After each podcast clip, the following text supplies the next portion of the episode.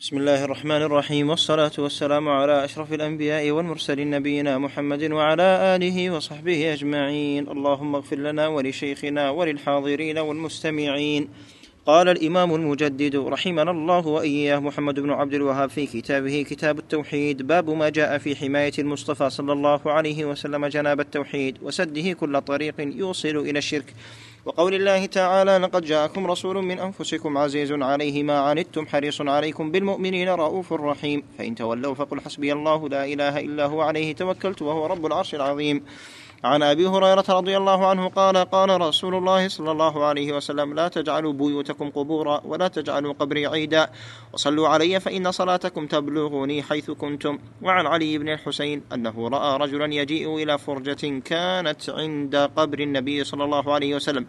فيدخل فيها فيدعوه فنهاه وقال ألا أحدثكم حديثا سمعته من أبي عن جدي عن رسول الله صلى الله عليه وسلم؟ قال لا تتخذوا قبري عيدا ولا بيوتكم قبورا وصلوا علي فإن تسليمكم يبلغني أين كنتم. رواه في المختار.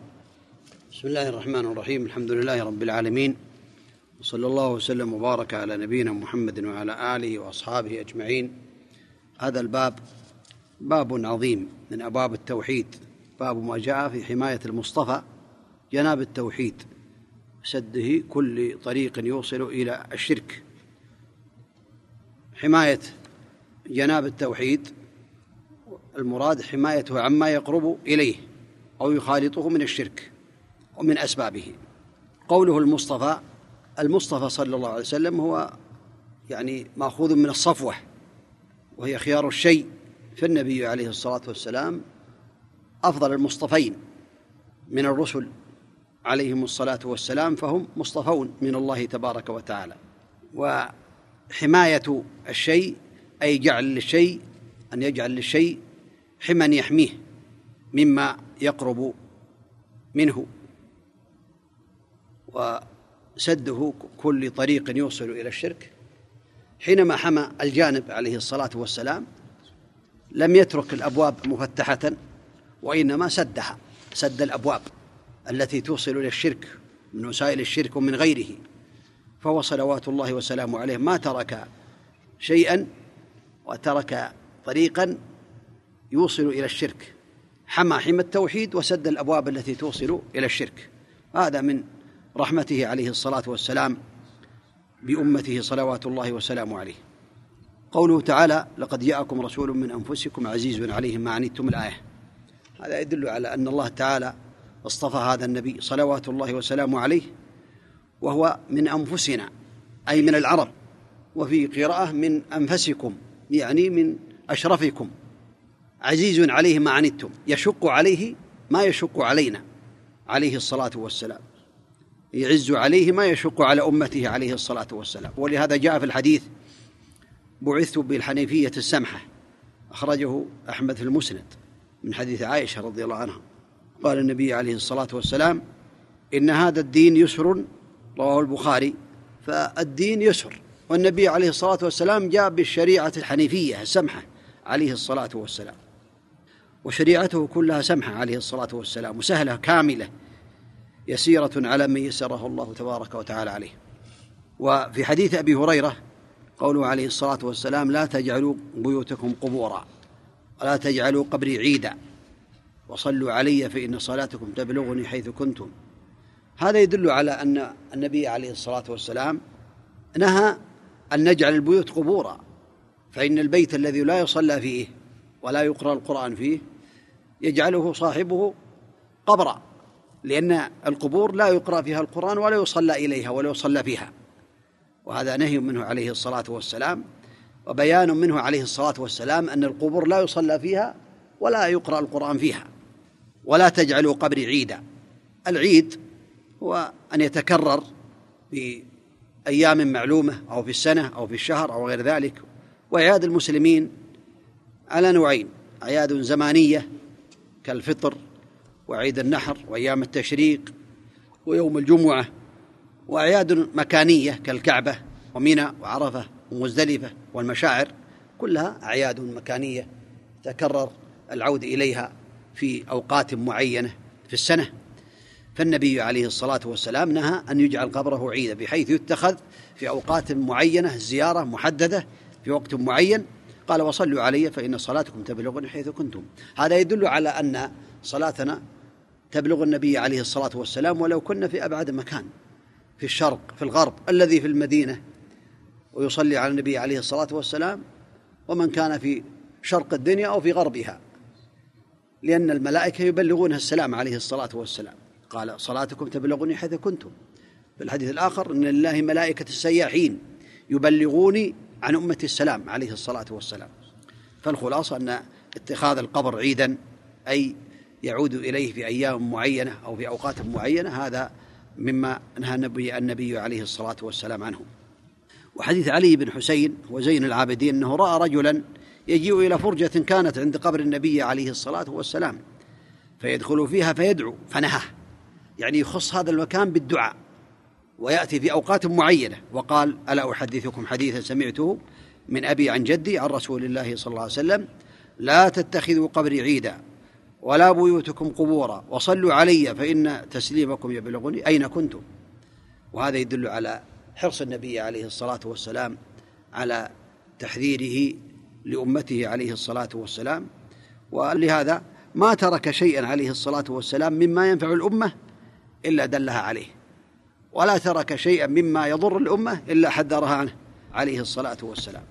ولهذا جاء في حديث أبي ذر يرفعه ما بقي شيء يقرب إلى الجنة ويباعد من النار إلا وقد بينته لكم رواه الطبراني. هذا يدل على أنه ما ترك شيئا إلا دلنا عليه عليه الصلاة والسلام. فالدين ليس بحاجة إلى زيادة بعد النبي عليه الصلاة والسلام. كمل الله به الدين عليه الصلاة والسلام. ولهذا قال الله تبارك وتعالى اليوم أكملت لكم دينكم وأتممت عليكم نعمتي ورضيت لكم الإسلام دينا. اللهم صل وسلم عليه. نعم كمل اقرأ. قال الإمام عبد العزيز بن بابز رحمنا الله وإياه في شرحه لهذا الباب. بين المؤلف بهذه الترجمة ما جاء به النبي صلى الله عليه وسلم وحمايته التوحيد من الأقوال والأفعال الشركية وجناب الشيء الجزء منه وحمى التوحيد زائد عن الجانب. فالثانية أبلغ من الأولى لأن الأولى في الجانب والثانية في الحمى. وهنا ذكر الوسائل الفعلية لحماية التوحيد من الشرك وفي باب حماية التوحيد وسد طرق الشرك وسيأتي ذكره فيه الحماية القولية أي حمى التوحيد بالتحذير من الشرك وما يوصل إليه من أقوال وأفعال. قوله لقد جاءكم رسول من أنفسكم عزيز عليه ما عنتم حريص عليكم بالمؤمنين رؤوف رحيم. هذا وصف له والخطاب لقريش وللأمة كلها ولهم خاصة لأنهم يعرفونه ويعرفون نسبه وأنه منهم وفي قراءة شاذة من أنفسكم أي من أشرفكم. عزيز عليه ما عنتم أي شاق عليه الشيء الذي يضركم ويتعبكم برحمته بكم وحبه لكم. وحريص على هدايتكم وتحذيركم من النار بأعماله وأقواله وهو رؤوف بالمؤمنين عطوف عليهم ولكنه شديد على أعداء الله لكفرهم وضلالهم. فهذه أوصافه فإن كانت هذه حاله فالواجب اتباعه ومحبته ولكن حصل العكس فعادوه حتى أرادوا قتله. ثم من كانت هذه صفاته فإنه لا يترك أمته بدون نصح. لذلك آمر بالتوحيد وحث الناس على الاستقامة وحذر من الشرك وأسبابه بأقواله الكثيرة. كحديث لا تطروني كما أطرت النصارى. وحديث إياكم والغلو وحديث هلك المتنطعون. وعن أبي هريرة رضي الله عنه قال قال رسول الله صلى الله عليه وسلم لا تجعلوا بيوتكم قبورا. الحديث عيدا. أي بتكرار المجيء إليه والدعاء عنده أو الصلاة عنده أو استغاثة به ونحو ذلك. والعيد هو ما يتكرر ويعود كل مرة. ولا يدخل في هذا زيارته صلى الله عليه وسلم بدون شد الرحال وبدون غلو فيها وعبادة عندها. قوله لا تجعلوا بيوتكم قبورا أي مثل القبور لا يصلى فيها ولا يقرأ عندها. بل صلوا فيها واقرأوا وفي الحديث اجعلوا من صلاتكم في بيوتكم ولا تتخذوها قبورا فدل على أن القبور لا يصلى فيها ولا يقرأ عندها والذي يصلى في البيوت النوافل. قوله صلوا علي حث على الصلاة عليه صلى الله عليه وسلم.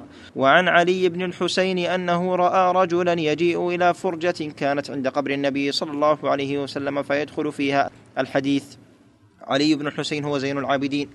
فيصلى على النبي صلى الله عليه وسلم في كل مكان في البيت والسوق والطريق ولا يخصون السلام والصلاة عليه عند القبر. ولهذا أنكر علي بن الحسين على الرجل وبين له أن هذا ليس بمشروع وأنك تسلم عليه وتمضي لا تجلس عند القبر تدعو.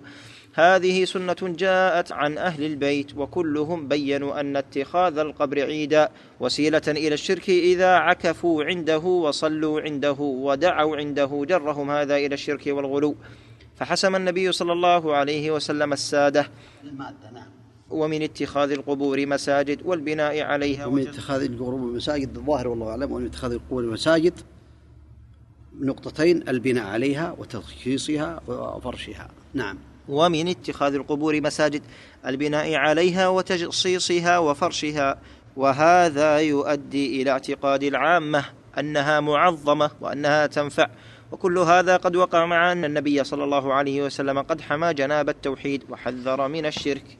نسأل الله عز وجل لنا ولكم العلم النافع والعمل الصالح والتوفيق لما يحب ويرضاه. صلى الله وسلم وبارك على نبينا محمد وعلى آله وأصحابه أجمعين.